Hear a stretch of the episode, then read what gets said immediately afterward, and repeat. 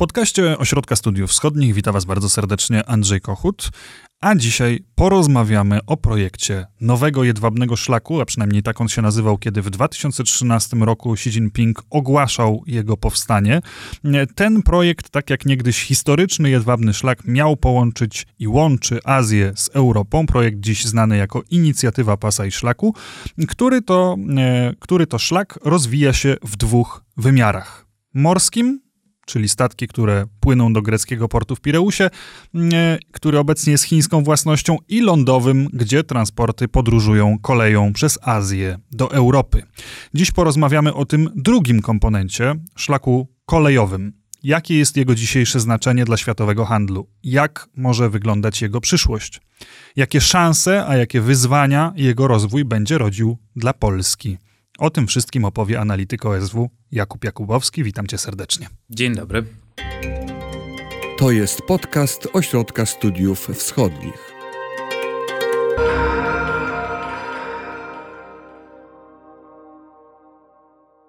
I na początek, na rozgrzewkę, od razu mam dla ciebie trudne zadanie, bo chciałbym, żebyś narysował mapę, ale ponieważ to jest tylko rozmowa i tylko tyle odbiorą nasi słuchacze, będziesz musiał to zrobić za pomocą słów.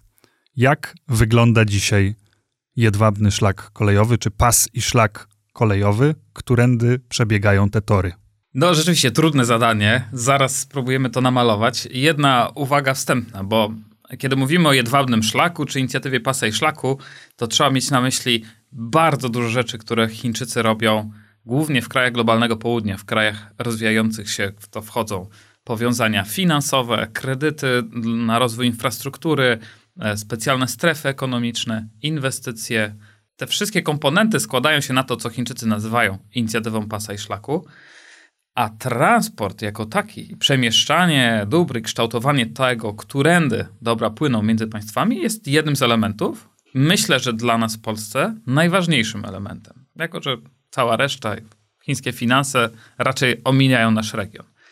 I teraz, jeśli spojrzeć na ten handel lądowy, który rzeczywiście ta inicjatywa bardzo mocno poruszyła, tak naprawdę otworzyła e, w dużej skali transport lądowy między Chinami a Europą, to mówimy tutaj o, o dwóch wielkich biegunach gospodarczych: Chiny i Europa. Dwa bardzo zaawansowane przemysłowe organizmy, które e, w pierwszej kolejności oczywiście połączone są transportem morskim i lotniczym który dominują absolutnie handel unijno-europejski, ale pomiędzy nimi od jakichś 10 lat, na początku powoli, a teraz coraz szybciej, wyrasta ta trzecia odnoga, trzecia droga, czyli kolejowa. Te przewozy zaczęły się w 2012-2013 roku. Generalnie chodziło o to, że e, europejskie, amerykańskie, japońskie korporacje zaczęły przesuwać swoją produkcję ze wschodnich Chin, tych blisko morza, do zachodnich, które były tańsze, ale gorzej skomunikowane ze światem. I lokalne miasta i prowincje chińskie, chcąc przyciągnąć te firmy do siebie, zaczęły myśleć o dawaniu im alternatywy. No, zamiast dostawać się do morza, y, te setki czy tysiące kilometrów w samych Chinach, może można wysłać to bezpośrednio do Europy, bo tam najczęściej była ta, ta, ta druga część łańcucha dostaw, gdzie trzeba było te komponenty produkowane w Chinach zmontować i wysłać dalej. I tu rysując mapę, jeśli spojrzeć rzeczywiście na, na Eurazję, Chiny i Europę i to, co pomiędzy, to dzisiaj najważniejszym korytarzem transportowym jest e, taka nitka wijąca się z centralnych i zachodnich Chin przez Xinjiang w zachodnich Chinach, potem do Kazachstanu, Rosji, Białorusi i na polską białoruską granicę w Małaszewiczach. To jest dominujący korytarz, ale trzeba pamiętać, że nowy jedwabny szlak, czy inicjatywa pasa i szlaku, to nie jest jedna trasa. To są dziesiątki różnych tras, rozwijanych przez dziesiątki różnych podmiotów, bo wiele państw chce się tam znaleźć, wiele potężnych spółek kolejowych chce skształtować te potoki na swoją modłę. Jest tu oczywiście dziesiątki czy setki y, międzynarodowych korporacji, które z tego korzystają. Także mamy taki amalgamat, taką złożoną siatkę interesów, e, który każdy próbuje z tego szybko rosnącego eurazjatyckiego rynku uszczknąć trochę dla siebie. Jakiego, jakiego rozmiaru jest to w tej chwili kawałek, jeżeli spojrzymy na całość handlu pomiędzy Chinami a Europą? Ile obsługuje kolej? Jak istotne jest to połączenie? Dużo mniej istotne niż y, w takich wielkich narracjach politycznych czy geopolitycznych się to e, przedstawia, ponieważ kolej nie jest w stanie zastąpić morza, nie jest w stanie zastąpić transportu lotniczego y, z powodów e, czysto praktycznych. Nie jest w stanie przyjąć tyle e, ładunków. Więc jeśli spojrzeć na całość tych obrotów, dzisiaj około 5% wartości handlu Unia-Chiny jedzie koleją i około 2% wagi. Te ciężkie towary zawsze będą szły morzem, bo tam jest po prostu taniej. Te najbardziej wartościowe towary będą lecieć samolotem, bo jeżeli coś jest warte dziesiątki milionów dolarów, to nie ma sensu upychać tego w kontenerze i wysyłać tego morzem, czy nawet koleją, tylko w kilka dni przesłać to e, jak leki, czy bardzo zaawansowana elektronika, ona będzie latać E, samolotem. To co jedzie pociągiem? Jakbyś mógł tak krótko scharakteryzować, e, jakiego rodzaju produkty mogą skorzystać na handlu kolejowym? I to jest ciekawe, bo to są produkty, które sprawiają, że te 5%, o których tu mówimy, mają jednak trochę większą wagę niż na pierwszy rzut oka. A to przez to, że całe to rozwiązanie kolejowe i te przewozy kolejowe zostały wymyślone w gruncie rzeczy przez niemieckie i amerykańskie spółki, koncerny samochodowe i elektroniczne do tego, żeby przemieszczać komponenty produkowane w Chinach do fabryk europejskich. Więc te, w tych 5%, to w liczbach bezwzględnych jest około 30 miliardów euro, y, zawiera się mnóstwo komponentów, bez których europejskie czy chińskie fabryki nie mogą funkcjonować. To w jakiś sposób jednak zwiększa e, strategiczne znaczenie tego handlu. Oczywiście w miarę jak globalna branża transportowa i globalne korporacje zaczęły dostrzegać te, te, te kolejowe połączenia, koleją zaczęły jeździć bardzo różne rzeczy, w tym żywność, e, nawet drewno, aczkolwiek dalej sercem tego biznesu jest transport zaawansowanych komponentów, głównie między niemieckimi fabrykami w Europie i w Chinach. I wykorzystanie tego transportu kolejowego przyspiesza. Jeszcze przyspieszyło, zdaje się, w związku z pandemią COVID-19, która dała taki dodatkowy impuls do rozwoju tego szlaku. Zdecydowanie. Ja mogę przywołać e, swoje doświadczenie, bo e, w momencie, w którym Chiny wkraczały w pierwszy lockdown, to jest marzec 2020, czy luty, byłem w Małaszewiczach, tym głównej bramie między yy, bramie wejściowej dla tych towarów kolejowych i pamiętam wtedy całkowicie puste terminale, no bo Chiny były w lockdownie, nic z Chin nie wyjeżdżało, nie wylatywało i nie wypływało, ale pamiętam, że wszyscy niezwykle nerwowo sprzątali, reperowali te terminale w Małaszewiczach, bo wiedzieli, że zaraz to ruszy, ponieważ porty i transport lotniczy oberwały przez koronawirusa znacznie mocniej niż kolej. E, lotniczy dlatego, że ludzie przestali latać, a dużo towarów jeździ jakby razem z ludźmi w lukach bagażowych. Porty dlatego, że no to jest bardzo skomplikowany mechanizm i wytrącenie go z równowagi przez zamknięcia portów sprawiło problemy, które trwają do dzisiaj, lata. A kolej szybka, dostępna, już wypróbowana i to sprawiło, że bardzo szybko no, na euroazjatycką sieć kolejową spadło tyle towarów, że w zasadzie wy, dzisiaj jesteśmy w momencie, kiedy y, no, wszystkie trasy, które były możliwe, są niesamowicie zakorkowane. Y, no i zaczyna się gra o to, które nowe trasy y, przejmą ten wielki potok. Ale można zdecydowanie powiedzieć, że COVID no, bardzo pomógł tym przewozom kolejowym. Wspomniałeś Małaszewicze, czyli chyba czas, żeby na tej naszej E, mapie słownej e, jedynie zarysować miejsce Polski. Małaszewicze to jest, e, to jest miasto, które globalnie niesamowicie urosło, znaczenie jego urosło w ostatnich latach. W Chinach będąc, rozmawiając z branżą transportową, każdy zna słowo mala, mala, tak mówią na Małaszewicze Chińczycy, tak samo branża niemiecka, rosyjska czy holenderska, bo rzeczywiście w miarę jak zaczęły rosnąć te przewozy, okazało się, że istnieje taki punkt na mapie, który jest absolutnie kluczowy, węzłowy dla realizacji tych przewozów.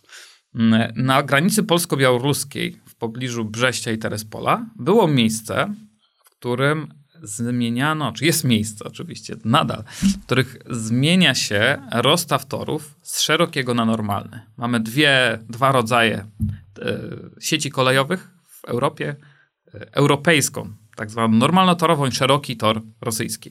I w miarę jak towary ze wschodu dojeżdżają do Europy, trzeba znaleźć miejsce, gdzie fizycznie te kontenery przeniesie się z jednego wagonu na drugi, z jednego rozstawu na drugi. No i w miarę jak te przewozy zaczęły rosnąć, okazało się, że właśnie Małaszewicze, które w czasach PRL-u były jednym z głównych punktów kontaktów między ZSRR a demoludami, że w tychże Małaszewiczach są ogromne moce przeładunkowe i zdecydowanie największe na całym styku byłego ZSRR i y, dziś Unii Europejskiej, co sprawiło, że Maszewicze zaczęły przejmować coraz więcej i więcej i więcej tych potoków. Tak długo i tak dużo, że w pewnym momencie ich przepustowość zaczęła się wyczerpywać. I dzisiaj jeśli mówimy o roli Polski. Nie mamy jeszcze pełnych danych za 2021 rok, ale tak jak przez wiele lat Małaszewicze całkowicie dominowały w tych przewozach, tak ostatnie półtora roku, szczególnie w czasach covidowych, gdzie te przewozy tak bardzo się wzmogły, e, no, Małaszewicze wyczerpały swoją przepustowość. Dyskutuje się i planuje i wdraża ich rozbudowę, ale na teraz właśnie rozgrywa się gra o to, którędy po przejadą te wszystkie dodatkowe pociągi, które pchają się dzisiaj z Chin do Europy. Y, wyrósł na tym Kaliningrad. To jest jedno z ciekawych odnóg z Białorusi. Patrząc na mapę raz jeszcze z Chin, przez Kazachstan, Rosję na Białoruś i tam trochę na północ tranzytem przez Litwę do obwodu kaliningradzkiego. Tam część pociągów przejeżdża do Polski przez granicę lądową, a część portami przepływa do Europy Zachodniej. Kaliningrad rozbysł, wzrósł i całkowicie się zapchał. I dzisiaj jesteśmy w momencie, kiedy, żeby przejechać przez Kaliningrad, trzeba czekać 60 dni yy, i wszyscy szukają kolejnych i kolejnych przejść. I zaraz o tych alternatywach porozmawiamy, ale myślę, że w tym miejscu warto odnotować jedną rzecz. Ten transport kolejowy jest również bardzo E, narażony na rozmaite niestabilności regionalne. Sama ta lista państw, do której wracasz doskonale to pokazuje. Kazachstan, e, mieliśmy całkiem niedawno bardzo burzliwe protesty i stłumienie tych protestów w tym kraju. Białoruś, Myślę, że nikomu w Polsce nie trzeba tłumaczyć. Litwa, która ostatnio popadła w konflikt e, z Pekinem, rozmawialiśmy o tym niedawno e, tutaj w podcaście OSW.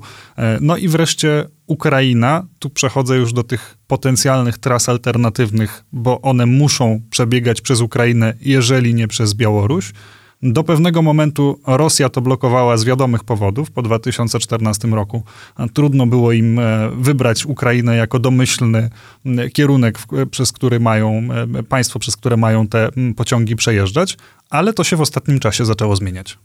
Rzeczywiście czynniki polityczne to jest coś, co niesamowicie wpływa na ten handel kolejowy. Zresztą coraz więcej jest polityki w transporcie w ogóle na świecie i tak jak przez długo transport, czy na przykład e, kwestie cyfrowe były traktowane technicznie. No one się po prostu dzieją, świat jest zglobalizowany, wszystko sobie jeździ tam, gdzie rynek decyduje, gdzie jeździ.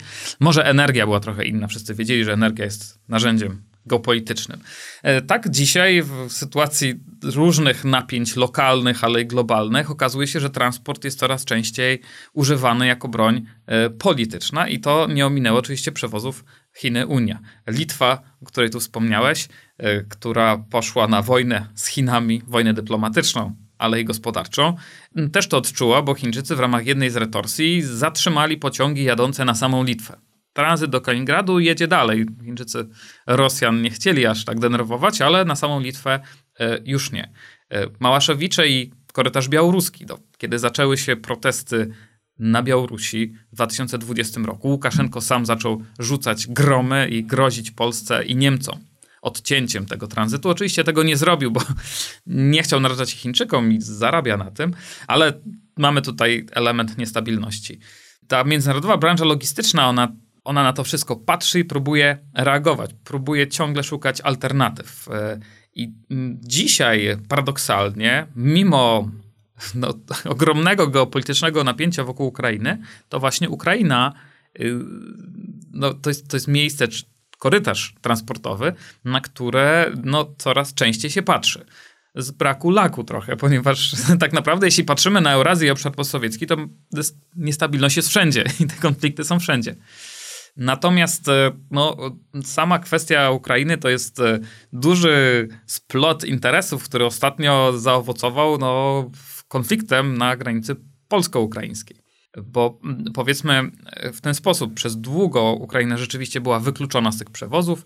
Tutaj w to weszła duża polityka i mała polityka, była wojna na torach między Rosją a Ukrainą, blokady tranzytowe, rosyjskie Rosjanie nie chcieli, żeby Ukraina w tym uczestniczyła. I to w ostatnich latach zaczęło się zmieniać. E, no, też przez to, że tak wzmagała się presja branży międzynarodowej, żeby jednak w jakiś sposób to zrobić. Sami Chińczycy zaczęli się interesować Ukrainą dużo silniej, więc te pociągi przez Ukrainę zaczęły jeździć.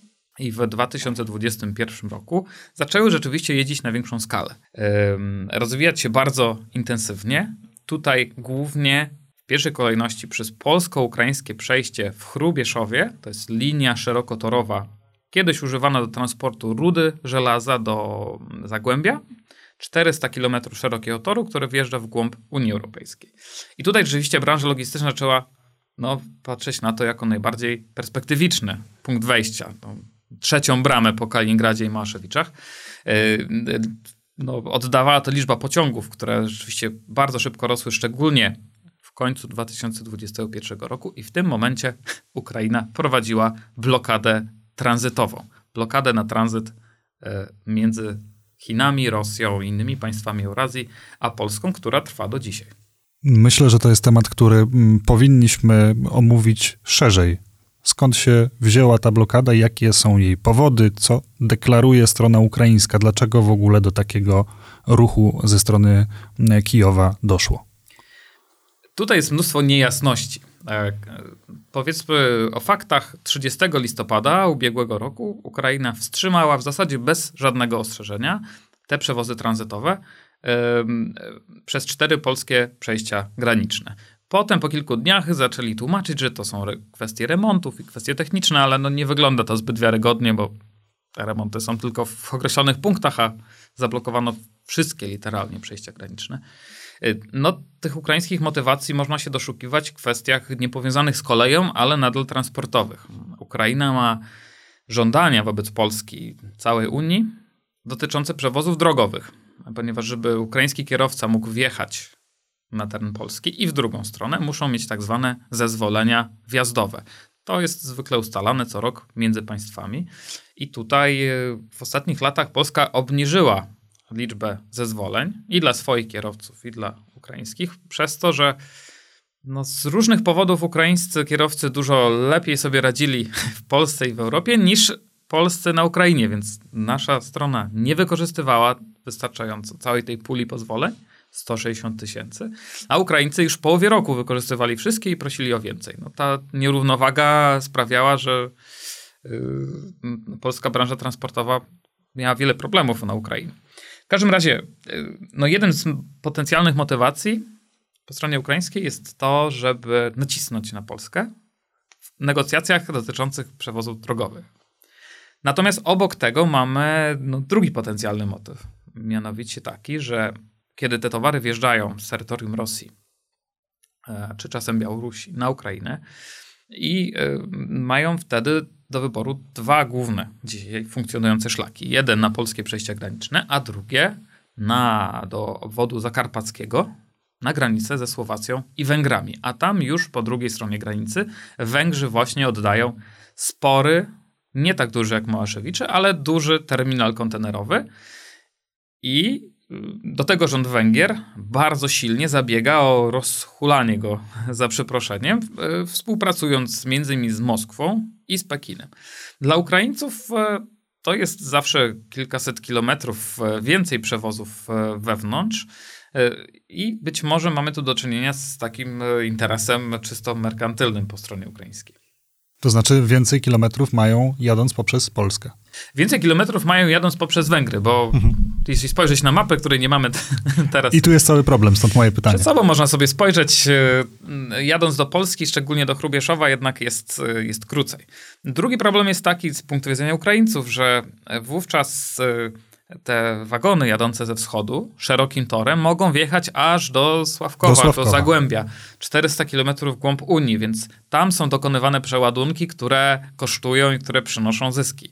E, a mm, Ukraińcom czasami deklarują, zależy na tym, żeby przeładunki dokonywać po swojej stronie.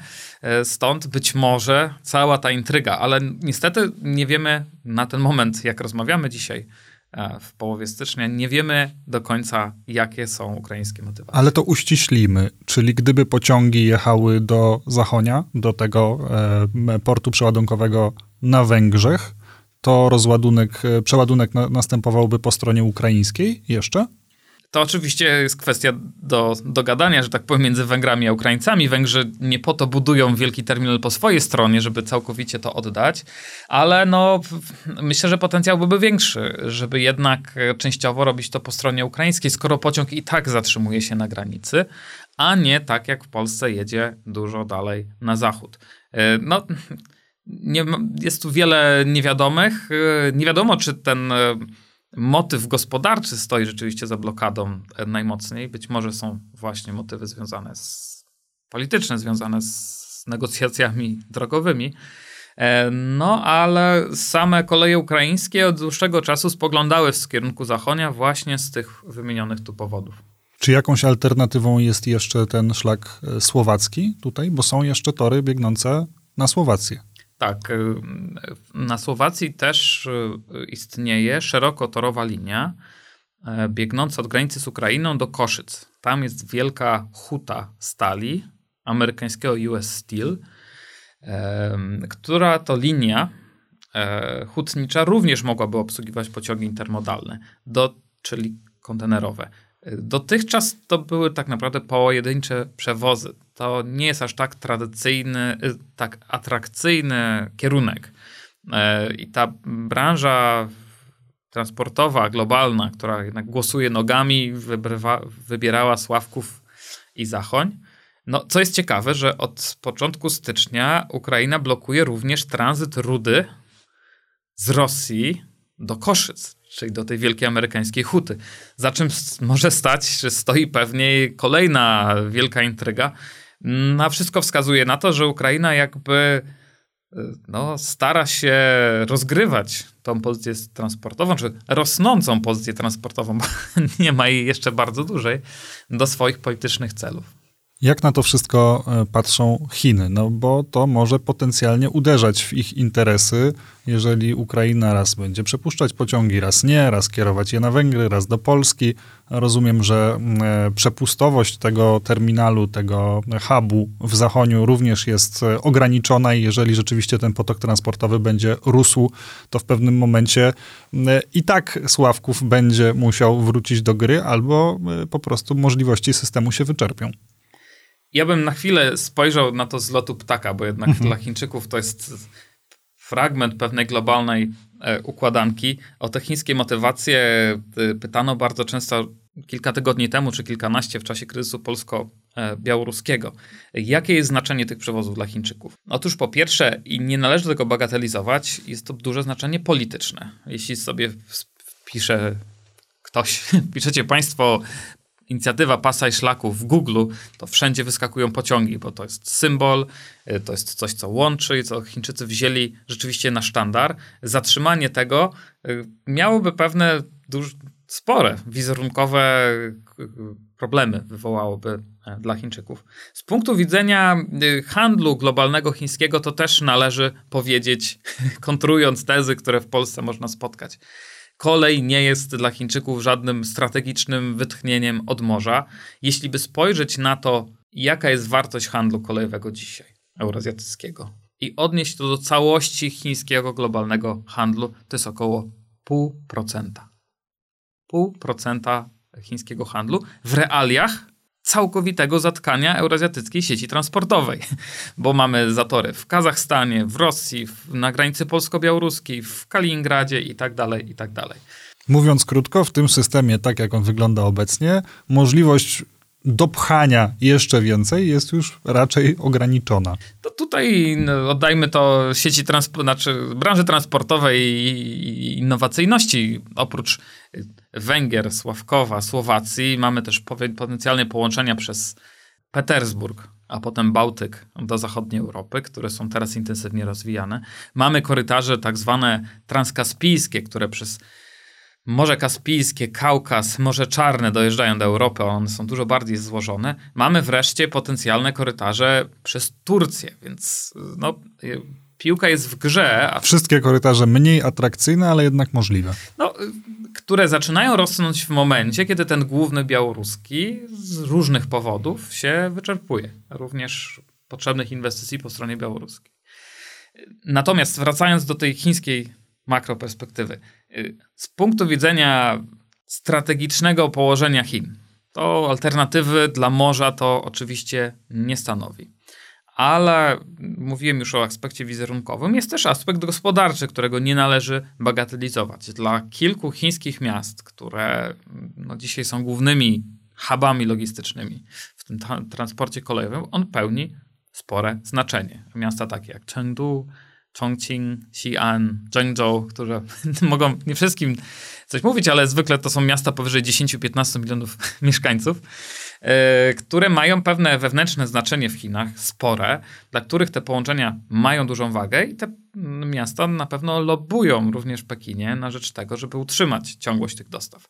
No, sam Pekin moim zdaniem ma taką dwuznaczną postawę. Widzieliśmy to przy okazji dyskusji o losie Małaszewiczy w czasie polsko-białoruskiego konfliktu granicznego, bo Pekin z pewną y, z pewnym dystansem, czy z pewną niechęcią się w ogóle do tego odnosił, chociaż kiedy doszło już do tych otwartych gruźb po obu stronach, że jeśli Łukaszenko nie skończy agresji, no to może się to przełożyć na wstrzymanie handlu, to w chińskiej prasie zaczęto to komentować z dużym e, zaniepokojeniem. Myślę, że Pekin dostrzega e, rolę, jaką to pełni, postrzega mm, ten wzrost jako coś, co, co, co czyni te przewozy no jednak w dużym potencjale. Dzisiaj mówimy o 5% handlu z Europą, może dojść do 10 czy 15% po niezbędnych inwestycjach po kilkunastu latach i to jest już coś, na czym nawet Pekin czy sam Xi Jinping mógłby się pochylić.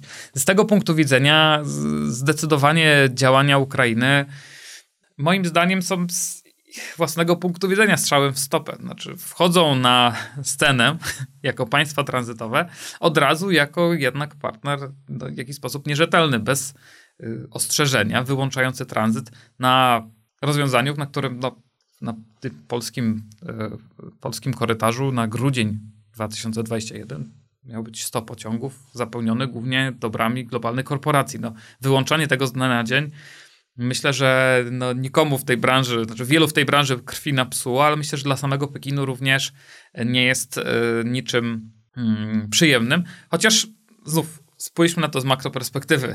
tak jak Pekin patrzy na rozwój całego tego rynku, mamy tu wiele różnych potencjalnych korytarzy, chociaż y, no, ten ukraiński rzeczywiście wyglądał do czasu blokady i trochę ciągle wygląda jako najbardziej perspektywiczny. Teraz z tej perspektywy makro, e, na koniec zejdźmy do perspektywy lokalnej i porozmawiajmy jeszcze chwilę o tym, e, jakie znaczenie cała ta koncepcja przesyłania towarów koleją z Chin do Europy ma dla Polski? Czy to jest e, duża, e, du, duży element w naszej gospodarce, czy raczej mały? Czy kwestia zablokowanego korytarza przez Ukrainę to jest coś, czego powinniśmy się bardzo obawiać? Czy ma to wymiar symboliczny z perspektywy tego, jakie interesy z Chinami i nie tylko robimy? Mówiłem o tu perspektywie makro, perspektywie chińskiej czy globalnego handlu, gdzie cała ta sprawa nie ma aż tak wielkiego czy gardłowego znaczenia. Natomiast z punktu widzenia Polski to ma znaczenie i ma rosnące znaczenie. No, spójrzmy na to, jak nasz kraj wyglądał na tej mapie przepływów handlowych jeszcze 10 lat temu. Kiedy nie mieliśmy wielkiego portu w Gdańsku, nie mieliśmy Małaszewiczy, byliśmy całkowicie peryferyjni z punktu widzenia przepływów handlowych. No to czym Polska handlowała, to był nasz dwustronny handel z różnymi partnerami, ale nie było tu możliwości zarabiania na takiej tranzytowej, pośredniczącej roli, tak jak to robią Holendrzy na przykład, czy bogate miasta północnych Niemiec. No dzisiaj 2022 rok, jesteśmy już w sytuacji, gdzie porty to jest oddzielna, bardzo duża sprawa, zostawmy je na boku, ale same Małaszewicze to jest no, kilkaset tysięcy kontenerów, które znalazły się na polskiej sieci kolejowej, które można obsłużyć, które można oclić i od których można odprowadzić VAT.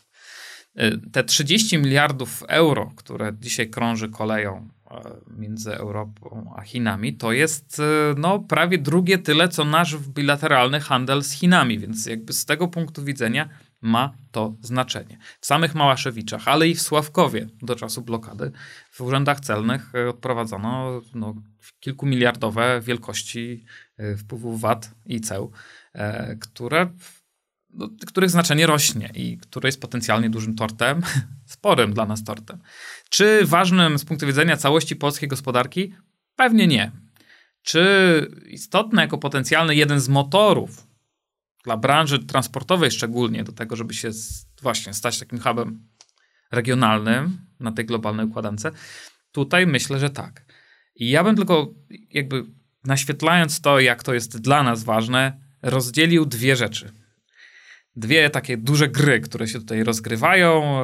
Widzieliśmy wiele interesów e, różnych państw o to, żeby jak najwięcej tej wartości dodanej przyciągać. I dla nas to są dwie duże gry. To znaczy, pierwsza jest to jest ta, o której rozmawialiśmy tutaj większość czasu. Którędy pojadą te pociągi. To jest ważne, oczywiście. To przynosi tam e, zyski dla przewoźników, dla punktów takich granicznych jak Małaszewicze, potencjalnie jakieś wpływy podatkowe, no to jest gra warta świeczki, ale moim zdaniem nie najważniejsza. Bo bycie tranzy państwem tranzytowym, umówmy się, nie przynosi jakichś niesamowitych kokosów. E, to jest, na pewno nie jest coś, co może być jakimś motorem gospodarczym i dla, mówmy się, państw y, tranzytowych w Eurazji, jak Rosja czy Kazachstan, czy nawet Białoruś, to nie przynosi jakichś ogromnych pieniędzy. Jest zyskiem dla kolejarzy i oni na pewno pilnują tego. Ale y, tak naprawdę największe przychody kryją się w tej drugiej grze. Kiedy towar już wjedzie do y, Europy, pytanie jest, gdzie te pociągi będą się zatrzymywać, gdzie kontenery będą finalnie wyładowywane, magazynowane, Często wokół tego są jakieś fabryki, które uzdatniają te komponenty, składają. Potem mamy dystrybucję wszystkich tych towarów w Unii Europejskiej, e, rozwóz samochodowy, kolejowy. To są takie operacje hubowe, które dzisiaj koncentrują się niestety dla nas. W Niemczech, w Holandii. W Niemczech i w Holandii, w, państwach, w miastach takich jak Duisburg, Hamburg e, czy Breda. E, za tymi miastami, e, miejsca takie jak Łódź, czy Małaszewicze, czy Warszawa są tuż za nimi, ale jednak większość e, tych, tych najbardziej tłustych kąsków ląduje w zachodnich Niemczech. I z, ja uważam, że z naszego punktu widzenia, tak jak dzisiaj e, patrzymy na to, którędy jadą te pociągi i też w Polsce najsilniej emocjonujemy się tym, czy przejedzie przez Małaszewicze, a czy nas ominie przez Kaliningrad, czy przez Zachoń, to ma oczywiście dużą rolę. No jeśli te przewozy będą nas omijać, no to nie ma w ogóle szans na te operacje hubowe, najbardziej lukratywne. Ale w tym momencie, w którym jesteśmy teraz, gdzie nie mając pełnych danych, myślę, około 80% przewozów jedzie przez Polskę, myślę, że zdecydowanie powinniśmy się skupić na tym, jak zagospodarować ten wielki potok, który już przez nas przechodzi, tak żeby zyskiwać yy, i gospodarczo, i budżetowo na tym, yy, bo moim zdaniem no, powinniśmy się tego uczyć. Tak jak mówiłem, wyszliśmy z pewnej peryferyjnej, czy wychodzimy z pewnej peryferyjnej pozycji w globalnym handlu. Coraz więcej globalnego handlu przechodzi przez naszą sieć transportową. Powinniśmy się uczyć, jak realnie z tego korzystać, a nie tylko, za przeproszenie, dawać się rozjeżdżać i rozjeżdżać naszą sieć transportową wielkim potokom tranzytowym, które będą po prostu przejeżdżać jak przez resztę Eurazji, także i przez nas. Bardzo Ci dziękuję za dzisiejszą rozmowę. Jakub Jakubowski, analityk Ośrodka Studiów Wschodnich, był dzisiaj gościem podcastu.